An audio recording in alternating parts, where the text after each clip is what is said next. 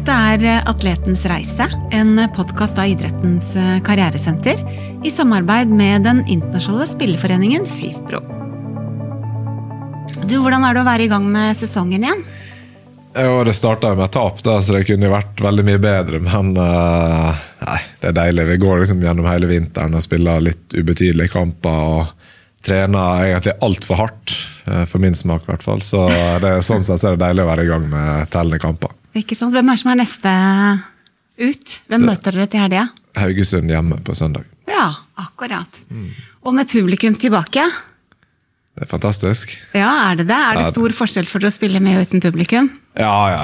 Det er to mm. altså, ja, det, det, er liksom ikke bare noe man sitter og sier heller. Det er to mm. forskjellige idretter. Det er mm. både sånn En ting er stemninga og altså det trøkket som blir skapt på tribuner, men bare når man kommer ut, går ut fra spillertunnelen, liksom, ut på banen og det er publikum på tribuner kontra ingen, så er det sånn du, Det er så vanskelig å motivere seg når det ikke er folk som ser på. Mm. Så det, det, at man sier at eh, fotball er ingenting uten supportere, det er ikke bare en floskel. Det, det er dere i det. Ikke sant. Og så er det litt ekstra spennende eh, Altså, klanen er, eh, er, bra publikum, er det ikke det? Jo, det er det. Ja, Hva er det som gjør at de er så, er så bra? Nei, så det, altså, det, er jo en lang tradisjon for at det har vært, vært det beste i Norge. Mm. Uh, har vært veldig mange medlem og skapt mye trøkk på tribunene. Og så um, syns jeg i tillegg så synes jeg mye sånn det de står for av sam, altså samfunnsengasjement utafor det som skjer på fotballbanen, er, mm. er veldig bra. Uh, og så på en måte som en spiller for klubben, uh, gir, det gir veldig mye Hva skal jeg si det er en av de tingene som gjør meg mest stolt av å spille for Vålerenga. er liksom både det supporterne står for utenfor mm. banen, og det klubben står for. sånn med Vålerenga samfunn, mm. Vålerenga mot rasisme, som har holdt på siden vel, midten av 80-tallet. og mm. uh, ja, Inkluderingsprosjektet. Nå, nå med uh, flyktningene fra Ukraina så var det en stor innsamlingsaksjon på, mm. på Øst på stadion. og det er liksom Vålerenga-familien fylt opp med mm. klær og hygieneprodukt og sånn liksom til, til flyktningene. og Det var sånn, det kom så mange bidrag at det hadde ikke plass til å, til å ta, ta, inn alt. Og, og så sånn, det er sånn ekstremt sånn samfunnsengasjement rundt klubben som, mm. er, ja, som jeg setter veldig pris på som spiller. Mm, det høres helt fantastisk ut. Så Jeg leste et sted du hvor du, hvor du, hadde uttalt at du elsker klubben og supporteren og, og spillergruppa, men da skjønner jeg jo litt av det. Det er viktig for deg også hva klubben står for utenom det rent sportslige. Ja, helt klart. Mm, mm. Men du, For et par år siden så var du også litt sånn fronta i media når du skulle skrive ny kontrakt, og det var litt sånn uenigheter mellom deg og klubben eh, rundt dette med, med, kontrakt. Og Vi trenger jo ikke å gå sånn helt i dybden på det, men hvordan er dette som fotballspiller? og liksom kanskje ha korte kontrakter, leve med den uforutsigbarheten og den der, ja, uvissheten om hvor, hvor, lenge du skal være i en klubb, og, og dette med korte kontrakter osv.? Altså, det blir jo sjelden et problem før du begynner å nærme deg 30 eller bikker 30. Det, det er liksom paradoksalt. Det er jo gjerne da du sitter med barn og har familie du på en måte skal mm. forsørge, og du føler mer sånn du føler mer for, eller du setter mer pris på tryggheten med lange kontrakter enn når du er tidligere i karrieren. Så er det egentlig gjerne litt på vei opp og fram, og egentlig kan godt ha litt korte kontrakter, sånn at du er attraktiv for andre klubber. Mm. Så det er litt uh, paradoksalt sånn sett at det, det, er på en måte Når du er ung, så vil du ha korte kontrakter, men da får du lange. Mens når du er eldre, så, så vil du ha lange kontrakter, men da får du mm. korte. Men sant? det er jo det er en del av gamet. Det jo, for klubbene så er jo det De må jo tenke uh, på C og på en måte business, mm. og det å signere en lang kontrakt med en 35-åring, det er jo ikke så veldig attraktivt. Mm. Så jeg skjønner det. Men klart, akkurat den saken så var det Det er jo ja, uh, jeg ser på mine interesser og vil ta vare på dem, og så klubben ser på sine og vil ta vare på dem. Og så tenker jeg at vi fant en løsning der vi møttes sånn cirka på midten, og det er vel det er god forhandling eh, ender med. Ikke sant? Så det virker som du har et ganske sånn profesjonelt forhold til det selv. At du ser begge sider av saken og ja, sånn, spesielt, spesielt nå i ettertid så er det lett, litt lettere å se det enn når du står midt oppi det, selvfølgelig. Mm. Ja. Men, eh, men, det er sånn altså at man som fotballspiller er ganske sånn komfortabel eh, med kortere kontrakter, spesielt som du sier tidligere i karrieren, når man kanskje også selv er litt sånn, har lyst til å komme seg videre og, og ikke heller kanskje ønsker å være bundet da, til en klubb over for lang tid. Er det litt sånn det er? Ja, ja. Det, ja. Som ung så vil du gjerne ha litt kortere kontrakter, mm. det er det. Men, eh, men, du blir jo ofte ikke låst, er jo ditt eget valg, liksom. men mm. da er det ofte at man signerer lengre kontrakter med klubber. da, mm. som men det, det som jeg bruker å si, det er spill bra nok, så blir du solgt til en, uh, mm. til en bra klubb uansett. Så det er ikke, det er ikke noe fare. Det, og det med akkurat lengden på kontrakter, det er jo litt sånn som jeg sa også. det er en del av gamet, og det er naturlig. Jo eldre du blir, jo mm. kortere kontrakter venner man seg til å signere. og så Etter hvert så får man ta en vurdering om man orker å gå og signere ettårskontrakter hvert år, eller om man bare skal legge skoene på hylla og, mm. og begynne med noe annet. Det er ja. Og du, Apropos det, begynne med noe annet. Um, du, uh, du, var skada for et uh, par år siden, var det i 2019-sesongen? Hvor du var ja. ute store deler av sesongen. Mm. Um, og da plukka du opp en studie, gjorde du det? Ved siden av, eller parallelt med rehabiliteringen? Ja, jeg gjorde det. Det ble litt sånn uh, Det gikk noen måneder der når jeg var litt usikkerhet om jeg kunne spille fotball videre. Og jeg skjønte at det kom til å bli en lang opptreningsperiode. Så var det sånn jeg, hadde, jeg hadde tenkt, jeg har studert tidligere, tatt noen fag, men på en måte ikke helt satt struktur på det. og så var den skaden Fikk på en måte fortgang i, den, i, eh, i hvert fall tankene om å, å få, få, en, få, en, utdanning. Og da satte jeg i gang og tok kontakt med Høgskolen Kristiania, som, som vi har en, gjennom NISO vel en mm. avtale med. Så mm. Snakka med dem og begynte med nettstudiet, som har vært uh, veldig fint. Og en fin ting å gjøre ved siden av fotball. som Mm. Det sånn, Vi har jo relativt korte dager som fotballspillere. så selv om man liksom er sliten og uh, sånn fysisk hvert fall slites ut på uh, formiddagen på trening, så har man mye sånn, hjernekapasitet som man kan bruke på ettermiddag og kveld og, til å studere. Det der er et godt poeng som jeg skal ta med meg videre til andre spillere jeg snakker med. Men følte du, eller tenker du, når du tenker tilbake på den rehabiliteringsperioden da, fra skade, Ehm, følte du at det å liksom studere eller gjøre, gjøre noe ved siden at det hjalp deg gjennom den, eh, den, perioden, eller skadeperioden? Ja, helt klart. Mm. Både studiet Jeg har alltid altså jeg har vært gjennom to sånne lange Jeg har to egentlig skader gjennom hele karrieren min. og Begge har vært veldig sånn langvarige, eller opptreningsperioden har vært veldig lang. Og da har jeg vært veldig bevisst på at det liksom at jeg er veldig, mye mer sosial i de periodene enn jeg har vært tidligere. Mm. Eller finner på mer gøye ting med kompiser. Nå i siste perioden som, som vi snakka om, så mm. begynte jeg å studere. Eh, så driver med andre ting ved siden av, måte, som jeg har mer fokus på i de periodene, for å ikke gå helt i kjelleren. For, å, mm. for det blir jo litt sånn hvis du har knytta hele personen din og identiteten din opp mot det du presterer på banen, mm. så er jo det den dagen du går skada, så er det på en måte der du ingenting, da. Mm. Så jeg har i hvert fall forsøkt å, å gjøre mye annet på sida for å holde det mentale ved like. Og det syns jeg i hvert fall jeg har klart veldig, veldig bra. Ikke sant? Du virker veldig reflektert og gjennomtenkt rundt, rundt de tingene her, da, men opplever du at andre spillere er like reflekterte som deg, og bevisste på det og, og liksom, hva de skal gjøre for å fylle livet sitt med bra ting i en skadeperiode, f.eks.? Ja, Man er jo forskjellig. Altså, jeg, vet ikke, jeg, vet ikke, så mye om hva folk gjør utafor banen eller Nei, på fritida liksom, når de er skada, men jeg, mm. jeg, opplever at de fleste kommer seg gjennom skadeperioder på en bra måte. Ja. Sånn utad, i hvert fall. Mm. Så jeg tror nok man blir flink til å bare finne, finne positive ting som man kan ta med seg i hverdagen. Og, mm. ja. Mm. Men du, tilbake til det med utdanning og sånn. Det er jo gjort noe forskning som eh, påstår at eh, en del utøvere presterer bedre når de har noe å gjøre ved siden av. Da. Det å være en, en profesjonell idrettsutøver. Eh, det har jo åpenbart kanskje funka for deg å ha, ha, noe ved siden av, men opplever du at det er liksom en sånn gjengs oppfatning blant spillere? At det å gjøre noe ved siden av kan være bra også for det sportslige, eller er ikke det noe dere snakker om? Ja, vi snakker vel ikke så mye om det, for vi vet Nei. ikke så mye om det. Nei. egentlig. Så Nei, det er jo sagt derfor, da. Men uh, mm. Jeg husker du var innom oss og mm. prata litt for noen år siden. Da viste du bl.a. en video av, han, av Kilini, var det, mm. som hadde en master i ikke, business administration. et eller annet sånt. Og da, da var vel det Da snakka du om det, at det var mye som tyder på det, at, at man kunne Eller at det å gjøre ting ved siden av, studere ved siden av.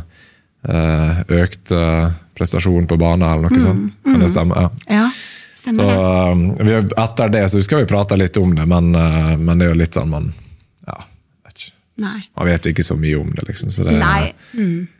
Og så vil det jo selvfølgelig være forskjellig fra person til person òg, ikke sant. Men, men eh, jeg har snakka med flere unge spillere som opplever at eh, for ikke å tenke fotball 24 timer i døgnet, så må liksom finne noe annet å gjøre, for ellers så blir de liksom helt gærne. For de klarer ikke å ikke tenke fotball hvis ikke de liksom har noe å fokusere på. Er eh, er fotballspillere så dedikerte at det, liksom, det, går i fotball 24 timer i døgnet hvis ikke man har noe annet å flytte fokus over på? Eller hva? Ja, ja, men det er jo også liksom sånn veldig Folk er veldig forskjellige på det. Ja. Men, men, man ser, altså, jeg ser ofte at det, det er jo litt sånn er merkelig med det. Liksom. Man kan bli, jeg tror man kan bli for mm. dedikert og for opptatt av fotball, sånn mm. at det på en måte går utover hemmer utviklinga di som mm. fotballspiller. Mm. Um, og det å, ved å være veldig dedikert, så kan man selvfølgelig bli god, men jeg, jeg ser, hvis jeg ser gjennom på en måte hele karrieren min, og folk jeg har spilt med, som har nådd lengst, mm. så er det egentlig stort sett de som når lengst, er de som eh, klarer å gi litt faen òg, av ja. og til. på en måte. Altså, mm. De er dedikert og profesjonelle og trener veldig bra, og alt det, men på en måte de ja, det, er ikke, det er ikke sånn altså, hva skal jeg si, ikke, Det er ikke så nøye. liksom det mm. Jeg legger ikke så mye i det, da. Sånn uh, mm. mentalt. liksom. Jeg har litt andre ting jeg gjør. Mm. og det, vil si, Jeg går ikke helt i kjelleren hvis det det er dårlige perioder. Liksom, så man klarer så det er i hvert fall sånn refleksjoner jeg har gjort meg gjennom karrieren, at eh, mange av de jeg har spilt med som har blitt supergode, de uh, har evnen til å gi litt faen. Mm. For da klarer du kanskje å senke skuldrene litt og, ta, og liksom være litt mer avslappa, selv om man selvfølgelig er veldig dedikert og, og målretta. Tror du det er noe i det? At man liksom klarer å slappe av litt mer og og ikke liksom bli helt sånn superanspent, for nå må man lykkes, liksom. For det er, all, det er bare dette som gjelder. Er, ja. det, er, det, litt sånn? Ja, jeg tror du er inne på noe. Mm. Da. det er som jeg sa i sted, dette med hvis du, hvis du kun har fotballen, mm. og det definerer det som eh, person, mm. så blir det veldig sånn når du går ut på banen på søndag klokka seks, så er det på en måte det som definerer hvordan den neste uka de skal bli nå, det er akkurat hvordan det går de neste 90 minutter. Mm. Og Da blir det veldig sånn, når det går dårlig, så har du ei uke der du er mentalt kanskje i kjelleren. Mm. Mens hvis det går bra, så er du oppe og svever. Og så det blir det veldig sånn uh, høye fjell og dype mm. daler. og det er jo ikke, Jeg tror ikke det er så bra. Det, jo, det kan jo kanskje bli litt flatt hvis man uh, altså Det skal ikke være helt flatt med det sånn, uh, følelsesmessig, men det å klare å liksom kontrollere følelsene på, både på nedsida og oppsida, tror jeg kan mm. jeg tror det å gjøre ting ved siden av kan hjelpe med det. da. Mm, mm. Og Det er jo også innmari bra i forhold til livet videre etter fotballen. vet du, Det der å knytte identiteten sin opp mot flere ting enn bare være en utøver. ikke sant? For det har man jo sett at kan være en litt sånn risikofaktor. Mm. Eh, for man kan jo ikke spille, man kan ikke være profesjonell fotballspiller eh, til man går av med pensjon. Det er ikke så mange som har gjort, eh, tatt den veien, i hvert fall. men, men du, du, du, du, driver jo ikke bare og studerer, du driver business òg, gjør du ikke det? På si? Eh, jo, eller jeg driver et uh, eiendomsselskap med søsknene mine. Eller vi utvikler Altså, vi bygger boliger og selger. Mm. Så det også er jo på samme måte som studiet, det, og det har jeg gjort siden 2011. Så det har vært en viktig del av livet mitt utenfor fotballbanen. Å liksom kunne drive med andre ting når jeg kommer hjem fra trening. Og, og det også er jo sånn, det er heller ikke noe fysisk. Sant? Jeg ville aldri, vil aldri gjort noe ved siden av som tar opp noe av min fysiske kapasitet. for da da går ut utover fotballen, mens mm. uh, ting jeg kan sitte på dataen foran og holde på med nettsider vår, eller legge ut en Finn-annonse, eller uh, drive med markedsføring. liksom Sånne ting er det er så ja, uh, Det er i hvert fall ikke tungt fysisk, da, så det er mm. lett å drive med ved siden av. Så det har vært det som har vært veldig fint for meg. Ikke sant. Og nå har du blitt pappa òg. Det er kanskje en liten stund siden, da, men ja, hva har det gjort med med deg som person og som fotballspiller? Jeg vet, altså jeg har gjort meg trøtt, først og fremst. det har vært, uh, vært, et år med, med, lite søvn, for å si det sånn. Det har det, men, uh, men på et sånn finurlig vis så klarer man bare å man står opp etter fire timers søvn, og liksom den som ligger ved siden av, ligger og gliser til det, liksom, så er det sånn, du klarer ikke å være sur, klarer ikke å føle på noe som helst bitterhet. Liksom. Det er bare pur glede. Så det har vært helt fantastisk. og Jeg vet ikke hva, liksom, hvordan det endrer meg, men, eh, men det er jo litt sånn, man blir jo kanskje litt mer bevisst på at man har en liten, eh, et lite barn som man vet på en måte er helt avhengig av det resten av livet. Eller i hvert fall i de neste 18 åra eller 20 åra, forhåpentligvis lenger enn det. men så du kanskje litt, er blitt litt mer bevisst på handlingene mine, og være litt mer sånn med, med gode verdier i hverdagen. Liksom, sånn, for det er jo, han er jo Hvis du ser på han som en svamp som ligger der liksom, og tar til seg alle inntrykk og all oppførsel fra meg og mora og folk vi er rundt, måte, og, og lærer av det. Da, og kommer til å forme han uh, til han blir voksen. Så er det veldig sånn Være litt mer bevisst på ting jeg sier og gjør rundt han. Så er det, men eh, og hvis vi skal knytte det til, til fotball, så har jeg faktisk jeg har tenkt mye på det. Sånn, det har vært veldig interessant og hvis noen har gjort noe studie, jeg vet ikke om det kan være det gjennomført, da, men gjort studie på prestasjoner eh, altså når du blir, etter du har blitt far eller mor, og ser på liksom prestasjonene på fotballbanen det første året eller de første to åra etterpå, eller når du har fått ett og to barn. liksom For å se om du For det er jo sånn som jeg sa, du, du sover jo veldig mye mindre. Og du blir jo litt mer sliten generelt, men samtidig så gir det også mye glede utenfor fotballbanen. Det å komme tilbake fra en kamp hvis du har tapt, så kommer du inn døra hjemme, så er ungen din kommer løpende til deg og gir deg en klem. Så er jo det med på å liksom, kanskje døyve den smerten med å tape. Sånn. Så det, jeg tror det, det har vært veldig interessant å sett hvert fall, liksom, hvordan det, prestasjoner på banen utvikler seg etter man blir foreldre. Og jeg tror i hvert fall som, som du var inne på tidligere, dette med identitet. At når du blir pappa eller mamma, da, så, så er det med å bygge identiteten din. Du bredder ut identiteten din litt mer. ikke sant? Og, det, og det har man jo sett at det er positivt, både som en aktiv utøver, men ikke minst i overgangen eh, til ny karriere. Så jeg har kanskje ikke gjort noe helt sånn konkret studie på det, men det er nok eh, kanskje sånn totalt sett en positiv eh, greie for veldig mange utøvere. At de får noe annet å tenke på. ikke sant? Og noe som kanskje også blir enda viktigere enn enn det å prestere på idrettsarenaen. da. Mm. Ja, ja. Så, mm. men, men litt sånn tilbake til det med spillergruppa. Du nevnte at jeg var på besøk hos dere og tvang dere til å tenke litt på karriereplanlegging og, og det livet som, som kommer. og eh, men er det liksom sånn, og da sa du at dere snakka kanskje litt om det etterpå, eller, eh, men er det sånn som liksom blir litt borte igjen? Fordi det handler jo selvfølgelig om å prestere ute på banen, og det er det dere blir målt på, det er jo derfor dere er, er der. eh, Men, men, eller klarer du liksom å fortsette å ha liksom fokus på det innimellom, eller hvordan, hvordan er det? Jeg har jeg opplever at det er litt sånn man man studerer for å være klar til livet etter fotballen. Ja. At det er på en måte øh, Det er derfor man starter å studere, og det tror jeg Ja. for min egen del òg. Ja. At jeg gjør ikke det fordi at jeg tenker det øh, hjelper meg på fotballbanen. På det, det vil bedre mine prestasjoner på fotballbanen. Jeg tror det, det er mer bare fordi at jeg vil ha en utdanning når jeg er ferdig å spille fotball, sånn at jeg på en måte kan starte i næringslivet eller en annen jobb og liksom være trygg på det jeg skal gjøre.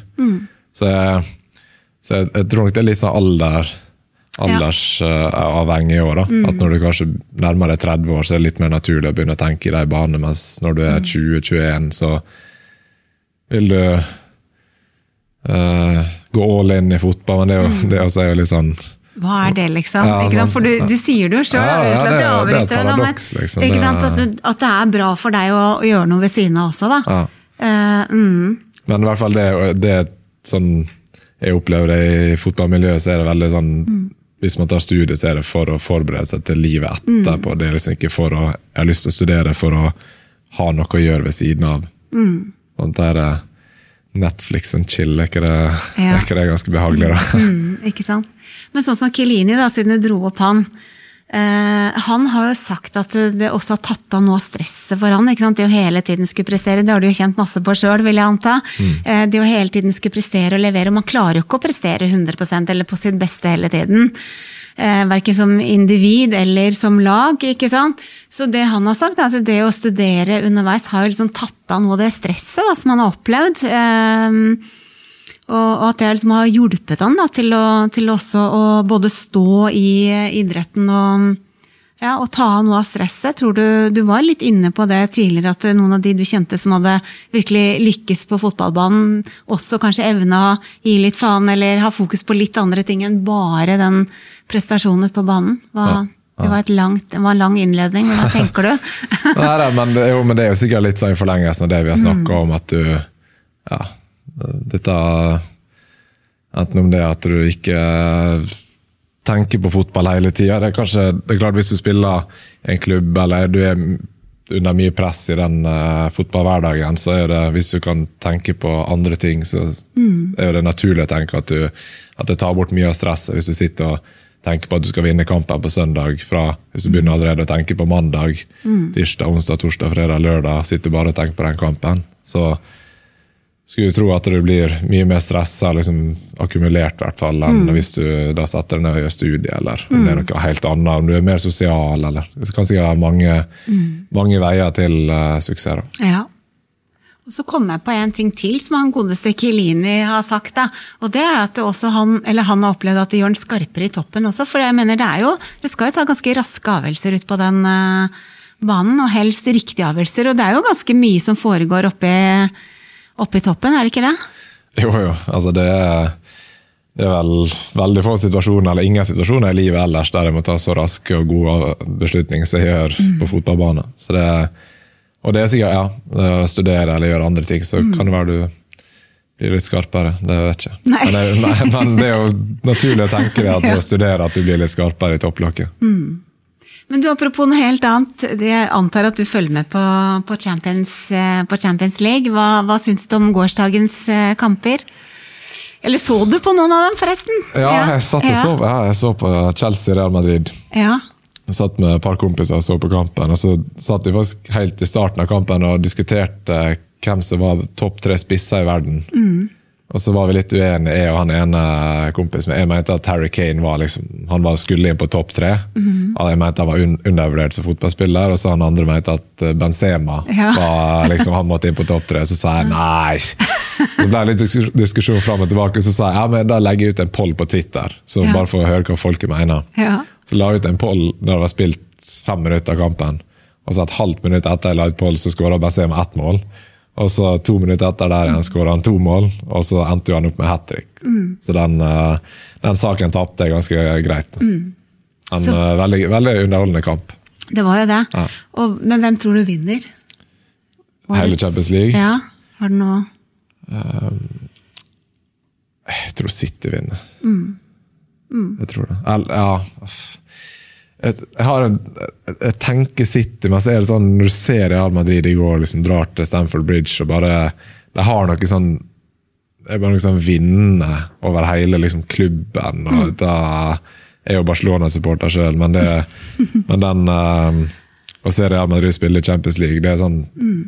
Du føler liksom at de har bare sånn ro hele laget, at du slapper av, dette ordner seg. liksom, De mm. stresser aldri. og De, de store kampene så dukker Benzema opp. og liksom, så det er jeg er redd for at de kan, uh, kan bli farlige i en finale, mm. men uh, jeg tror City.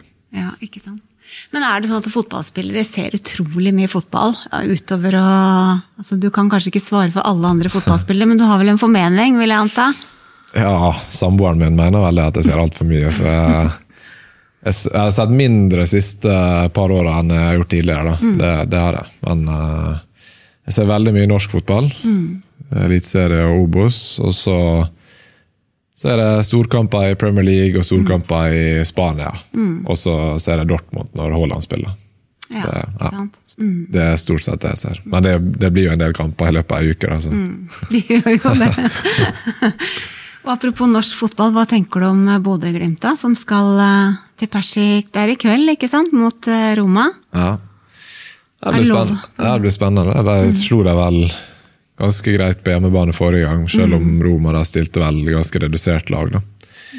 Det blir veldig spennende å se. Det, det, er, jo, det er jo litt sånn tveegget sverd. Liksom. Du vil jo På en måte så er det bra Det er bra for norsk fotball sant? at mm. Bodø gjør det bra, og at det, de skaffer jo sånne hva det heter, altså poeng på en måte som kan gjøre at Eliteserien plutselig får to lag inn i Champions League-kvalik og sånn i ja. året. Så man, hvis man skal se stort på det, så er jo det positivt, men samtidig så er jo de neste to-tre åra så er liksom, Bodø-Glimt kommer til å være konkurrent uh, internt i ligaen for oss.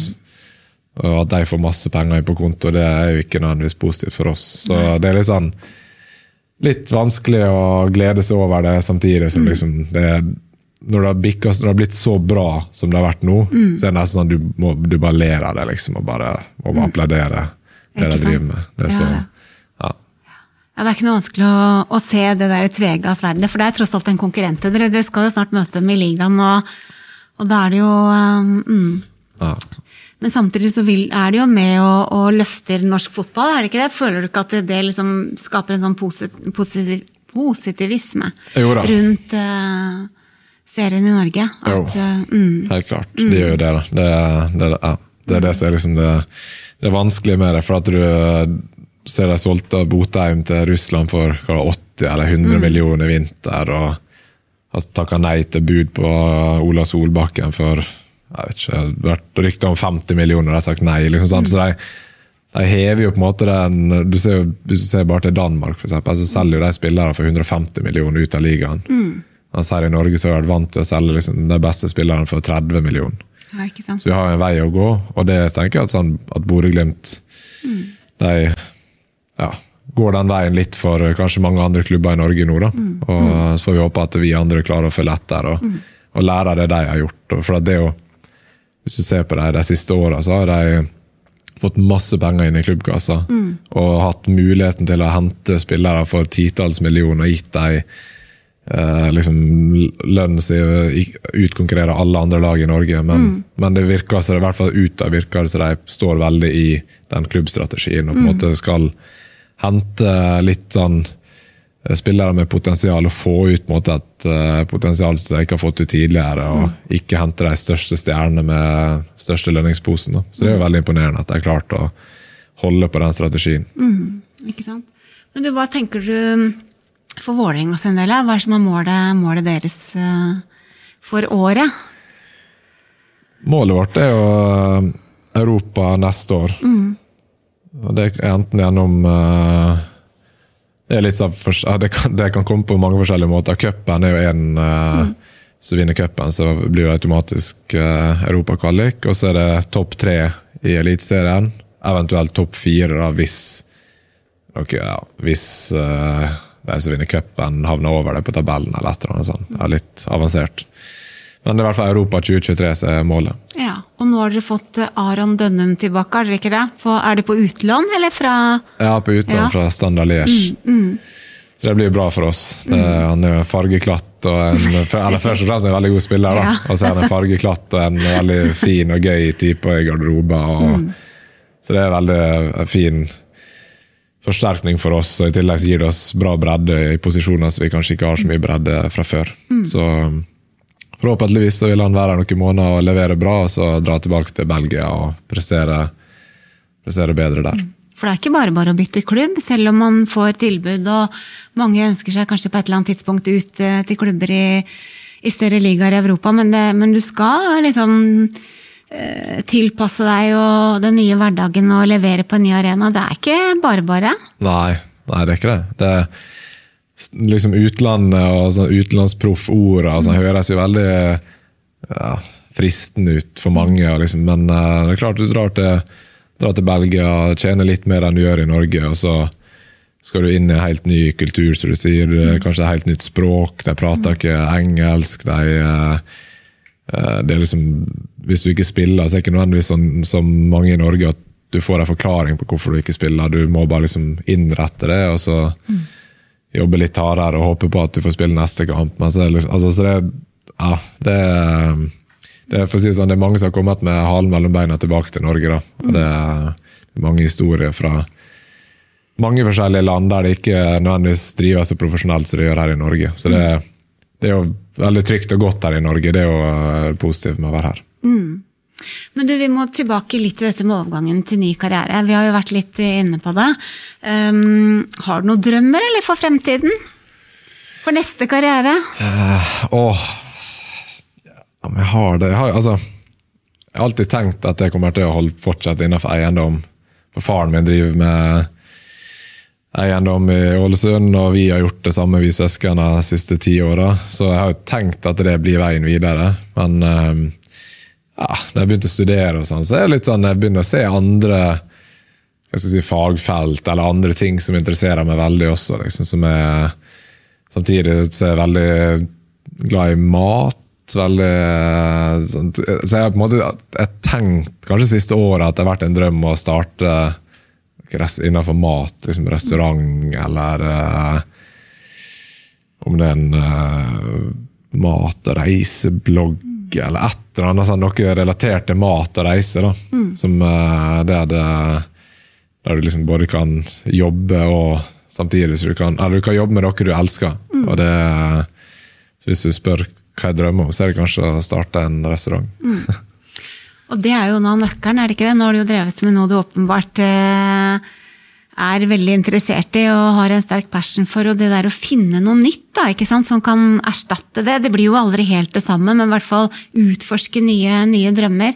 Det høres ut som noe du, du har begynt med. Er det noe du har begynt med i seinere, eller har du liksom tenkt på det over lengre tid?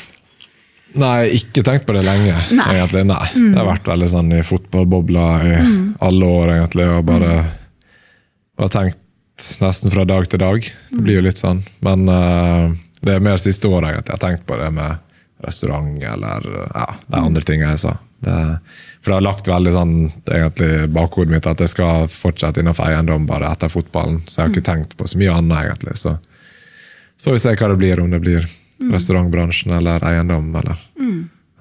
Jonathan, det høres ut som du har noen, i hvert fall begynt å drodle litt rundt hva du har lyst til å gjøre videre, og åpne opp i forhold til at det er mange muligheter. Opplever du at um, mange andre fotballspillere, sånn når man er, er, over i hvert fall andre halvdel av karrieren, at det liksom pensler seg inn på å bli uh, fotballtrener eller sportssjef eller kommentator? Ja, eh, mm. det, det, gjør det. det mm. Man ser jo kanskje tidlig hvem som har, hvem som har potensial til å, til å bli en trener, liksom, hvem som har det i seg å være Det er jo en litt sånn en egen du, det, det, er noe jeg er litt mer interessert i på en måte fotballfag og prater mm. liksom, taktisk enn andre. Og det er ofte de som ender opp som å bli, nei, å bli trenere. Og, og så er det sånn Det er jo på en måte når du sier du blir bikka 30, nærmere slutten av karrieren, så er jo det er fristende å på en måte ta en vei innenfor fotball, for du har kanskje et navn, opparbeider et navn og posisjon i Fotball-Norge som du kan da kapitalisere på å få en, på en, måte en gratis vei inn i fotball, eller i en ny jobb. Mm. Så jeg skjønner at mange, mange velger den, den, veien. Det, for min egen del så er det sånn jeg alltid egentlig tenkt at jeg ikke har lyst til det. fordi at jeg, nå har jeg gått i ja, 15 år og spilt uh, profffotball og på en måte ofra hver helg i 15 år. Og, og det, det, er det én ting jeg gleder meg til etter fotballivet, så er det det å på en måte kunne legge beina litt høyt på fredag ettermiddag, og så mm. ikke tenke på så veldig mye før på mandagen. Mm. Annet enn å ha det gøy med familie og venner. Så, så, for min del så har det i hvert fall ikke vært uh, aktuelt å fortsette som uh, Eller gå inn liksom, som trener. Men mm. uh, ja, det er jo det er mange andre som, som gjør, tar den veien. Ikke sant? Og det, og det, kan jo være litt sånn skummelt kanskje også, det å være nybegynner på noe igjen. da. Eh, når man har vært vant til å være skikkelig god på noe tjent ganske godt med penger og, og, hatt fans og liksom hele denne pakka, uh, så er det kanskje også litt sånn litt krevende å skulle ja, gå tilbake og være nybegynner på noe. Ja, det er kanskje det. Altså, det er faktisk det, noe av det jeg gleder meg mest ja. til. Ja. Å, begynne, sånn, å, å bare liksom begynne på noe og lære noe helt nytt. Mm. Og være, faktisk gå ned og være blant de minst erfarne innenfor noe. Mm. Og starte fra scratch og lære noe helt nytt. Det, det gleder jeg meg veldig til. Ja. Og så er det selvfølgelig det er lett å sitte her og si, men det er klart, når, hvis du kommer da den dagen og så sitter du og holder på med noe du ikke har peiling på, og du er vant til å ha full kontroll på alt, så kan det være at det gjør noe med selvfølelsen min. eller noe sånt, Men uh, i hvert fall sånn nå så tenker jeg at jeg gleder meg til det, så får vi se den dagen det kommer. Det er en positiv innstilling. Livet er langt, og det er jo plass til flere karrierer. Det blir jo mer og mer vanlig i ordinært arbeidsliv også å gjøre forskjellige, helt forskjellige ting. Da, bytte, gjøre totale karriereskift. Ja. Så, mm. Og, og, han eh, godeste Moa, han er tidligere Vålerenga-spiller, er han ikke det? Ja. Han har jo stått frem og sagt, for han eh, begynte jo først som eh, reporter, eller i hvert fall innom å være reporter. Men han fant ut at det var jo ikke drømmen for han, det var jo å gjøre noe helt annet. Tror du at en del, en del fotballspillere da, går liksom glipp av spennende nye karrierer fordi de er litt sånn for smale i, det, i, i å utforske muligheter etter en eh, proff fotballkarriere? Ja, det er sikkert uh, Altså, det er jo forskjellig, men det er jo som vi snakker om sånn, det er jo selvfølgelig når dagen plutselig kommer og du må eh, eller begynner å nærme seg at du skal legge opp, og så er det på en måte, må du skulle finne fram skolebøkene og begynne å studere her igjen, og bruke tre eller fem år på det, eller skal du bare ta den jobben som kommentator i en eller annen TV-kanal som det er ok betalt, og du på en måte kom, så blir det veldig, sikkert veldig fort gjort å bare ta det, den enkle veien. Mens du da kanskje som du sier, går glipp av mange, sånn som Moa for eksempel, er veldig, veldig flink med folk og barn. og sånn, og Nå jobber han på skole og driver med litt sånn forskjellige sånn samfunnsprosjekter. Ja. Så jeg har fått med meg. Ja. Så for han så er det sikkert det er veldig bra hvert fall at man klarer å ta en fot i bakken når man sitter i det og liksom skjønner at dette her er kanskje ikke helt det jeg drømmer om, og heller velge noe annet. Men jeg tror ikke alle nødvendigvis har den evnen til å liksom stoppe opp og, og innse det. da. Nei, ikke sant? Og du, så er det en ting jeg har lurt veldig på, og det er nå jeg har jobba for Karrieresenteret noen år. Um, og det, vi har jo jobba og hjulpet mange, eller jobba med mange utøvere. Men det er altså vesentlig for dere forsvarsspillere, eller fra midtbanen og bakover, som tar kontakt med Karrieresenteret og ønsker å spare om ulike ting. Da. Enten er underveis i karrieren eller i overgangen til ny karriere.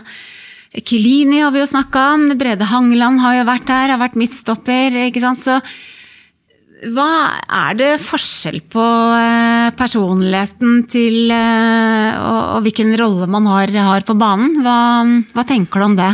Er, Eh, nei, altså jeg vet ikke, det er jo det kan være, jeg, jeg tipper at spisser kanskje er litt mer sånn eh, drømmende, liksom. og mer sånn, altså det, er jo, det er jo livet som spiss. er jo sånn, Skårer du 15 mål i en sesong, har du én veldig god sesong som spiss, da, så kan du bli solgt til Kina eller Russland eller Japan, liksom, og så sikre framtida di. Ja. måte, Økonomisk. Ja, økonomisk, Ja. Mm. sant. Um, så et, altså Jeg vet ikke om det er det, men jeg, jeg, det er jo litt sånn med at spisser det er litt mer sånn. Og så- kan det ha noe med at de, jeg vil tro at uh, spisser tjener i snitt bedre enn forsvarsspillere, kanskje. ja. Uh, Uten at det nødvendigvis Jeg vet ikke om det, er, om det er veldig stor forskjell, men sånn kan ha noe å si. Men uh, jeg, det er nok ja, det er, det er nok litt så mer sånn drømmende, kanskje, og tenker ikke så mye på eh, det blir veldig generaliserende, liksom. Men Nei, bare sånn for å si, ja, bare sånn male med brei pensel, så er det mer, ja, mer drømmen. Og liksom, mm. hvis du har en god sesong, som jeg sa, så kan du bli solgt og sikre. Så er liksom midtstoppere eller forsvarsrekka og litt sånn mer bakover på banen litt mer ansvarlige, tenker litt mer konsekvenser og fremover, eller er, det, er vi litt generaliserende her nå? Jeg håper jo at det er det. Jeg har lyst til å si at det er det. Nei, jeg vet ikke, men på en måte så er det, hvis at det faktisk stemmer at man eh, tenker mer konsekvenser bak på banen enn framme, så er det en positiv ting. Ja. På fotballbanen i hvert fall. For det er jo, hvis man begynner å tenke konsekvenser som spiss når man kommer alene med keeper, så kan det fort uh, gå i ball opp i hodet. Ikke sant? Mens eh, som forsvarsspiller så må du tenke konsekvenser. Så det er jo faktisk, kan det være en uh, forklaring på det. Du får forske litt på det. Ikke sant, Vi får finne litt mer ut av det. Og så tenker jeg at det, det er jo flott å sikre fremtiden sin økonomisk, og sånn, men, men det er jo det å fylle tida si med, med noe, da, ikke sant? selv om man liksom skulle klare å sikre fremtiden sin økonomisk eh, gjennom en fotballkarriere, så er det helt fantastisk. Men eh, man skal vel ikke drive dank resten av livet for det? Man skal jo gjerne fylle, fylle tida si med noe meningsfylt på et eller annet nivå.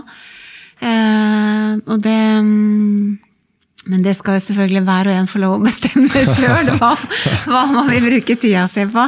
Men du, hva slags eh, råd ville du gi til unge spillere som ønsker å bli skikkelig gode, og eh, ja, som kanskje ønsker å mm, også studere ved siden av, da, eller kanskje gjøre noe ved siden av? Hva, hva slags råd ville du gi som en erfaren, eh, reflektert spiller? Ja, altså Det er jo den, det vanlige å si, og det mener jeg 100 det er jo det at man må bare først og fremst ha det gøy med, med å spille fotball. Det tidspunktet du ikke har det gøy når du spiller fotball, så tror ikke du klarer å bli uh, så god som du kan bli. Så enten om det er liksom Hvis du klarer å ha det gøy ved å stå og sparke ballen i en garasjevegg tre timer om dagen, superbra for det, liksom. Da må du fortsette med det. Men, men det, jeg vil jo tro at veldig mange er avhengig av kanskje å være sosial samtidig. Liksom, gå på Løkka, da, gå i ballbingen og spille med kompiser etter skolen og ha det gøy på den måten samtidig som du trener fotball. Eh, og så må du trene, du må trene ekstremt mye. Det kommer ikke unna det. Liksom. Du må legge ned ekstremt mye arbeid. Og så kommer du til å møte på mye uh, motgang. Uh, liksom, enten om det er tidlig tidlig i ungdomsåra, du er litt mindre kanskje, ikke så uh, høy eller fysisk sterk som, uh, som de andre på laget, men du har kanskje et bedre fotballhode enn deg, og det kanskje ikke kommer så godt fram tidlig i karrieren. Så man liksom vil Man må være klar over at det kommer til liksom, det kommer ikke til å være sånn rett linje opp liksom fra der du er, til eh, makspotensialet. Du kommer til å møte på masse motgang, så du må ha du kaller, altså du må klare å stå i det. da, eh, De tunge periodene, enten om det er som jeg sa, at du blir nedprioritert når du er 12-13 år. Eh, må du stå i det, eller du får ei lei skade når du er 18 år, du må stå i det, eller du blir satt ut av laget, og i stedet for å liksom peke på andre, og at det er andre sin feil at du ikke spilte på laget, så ta liksom fullstendig eierskap til deg sjøl og, og se på hva, hva du kan gjøre bedre hvis det er snakk om at du ikke presterer, eller bare hvis det er skade. da, og Få gjøre de riktige tingene som blir bedt om. Det, det er tips jeg vil gi. Utrolig bra råd. Hva har du gjort sjøl for å takle litt sånn vanskelige perioder? Vi var inne på at du begynte å studere når du var ute med skaden og forrige gang du hadde en alvorlig skade, men hva har du gjort tidligere i karrieren? Nei, det er egentlig bare at jeg har, mye, jeg har vært mye mer sosial i de periodene når jeg Ja. har, eh, når jeg har vært skada. Mm. Ja, jeg har vært mye, mer- mye mer med kompiser enn tidligere. og Da er det ofte du spiller kamp på søndag, og har mulighet til å liksom være mer sosial i helgene med, med venner og familie og sånn. Så hatt mye fokus på det, og ikke tenkt så mye på fotballen. Ikke sant? Så det, er jo, så det å være sosial og det å ta eierskap til egen, eh, til egen fotballkarriere og egen utvikling, og ikke skylde på andre når det går deg litt imot. Ja. Nyttig tips på mange arenaer i livet, det. Men du, det har vært veldig interessant å ta en eh, prat med deg, Jonathan. Og du er jo en eh, veldig reflektert eh, fotballspiller eh, med med mange kloke betraktninger eh, rundt viktige temaer. Så jeg håper at flere der ute får eh, glede av å høre det vi har snakket om. Um, Og lykke til med sesongen. Jo, takk. Takk for at jeg fikk komme. Dette er eh, Atletens reise, en podkast av Idrettens karrieresenter i samarbeid med den internasjonale spilleforeningen FIFPro.